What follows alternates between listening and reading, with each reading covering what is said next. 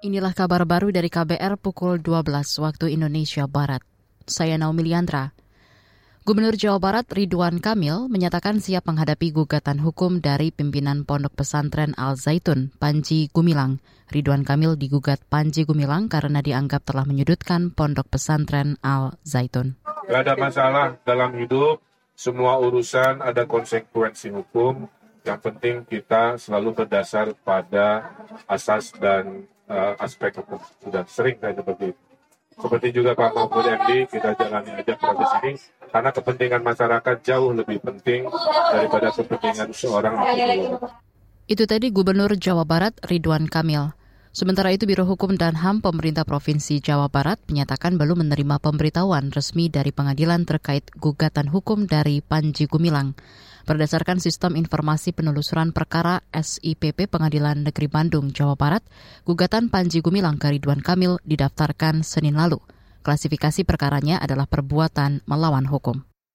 Presiden Joko Widodo pagi ini melantik perwira TNI dan Polri di halaman Istana Merdeka, Jakarta. Kepada para perwira, Jokowi mengingatkan sejumlah tugas yang harus dilaksanakan, mulai dari menjaga stabilitas keamanan negara, menjaga tegaknya Negara Kesatuan Republik Indonesia NKRI, serta meneruskan tongkat estafet kepemimpinan bangsa. Bahwa saya, akan memenuhi kewajiban perwira akan memenuhi kewajiban perwira dengan sebaik-baiknya. Dengan sebaik-baiknya. Terhadap bangsa Indonesia. Terhadap bangsa Indonesia. Dan negara kesatuan Republik Indonesia. Dan negara kesatuan Republik Indonesia. Yang berdasarkan Pancasila. Yang berdasarkan Pancasila. Dan Undang-Undang Dasar Negara Republik Indonesia. Dan Undang-Undang Dasar Negara Republik Indonesia. Tahun 1945.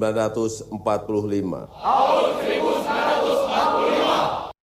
Presiden Jokowi juga mendorong para perwira TNI Polri untuk belajar menempa kemampuan dan keahlian, menguasai pengetahuan dan teknologi, serta terus berinovasi. Jokowi juga meminta para perwira TNI Polri menjadi teladan masyarakat, menjaga integritas, menjunjung tinggi etika dan nilai-nilai keprajuritan, serta selalu di depan membantu masyarakat luas. Jumlah perwira TNI Polri yang dilantik hari ini 833 orang. Pelantikan dilaksanakan melalui upacara prasetya perwira Praspa TNI Polri.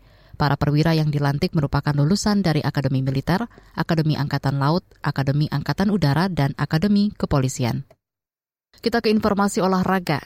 Ganda putra Indonesia Pramudia Kusuma Wardana, Yeremia Yakob Rambitan, hari ini kalah dari unggulan kedua asal Cina, Liang Wei Wang Chang, pada babak pertama Jepang terbuka 2023. Pramudia mengaku kehilangan momentum dan kurang mampu mengendalikan permainan di area depan.